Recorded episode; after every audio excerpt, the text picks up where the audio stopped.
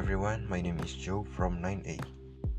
So today I'm gonna make a review film. The film is Spider-Man Far From Home. I think this film was memorable because Peter Parker, the beloved superhero Spider-Man, faces four destructive elemental monsters while on holiday in Europe.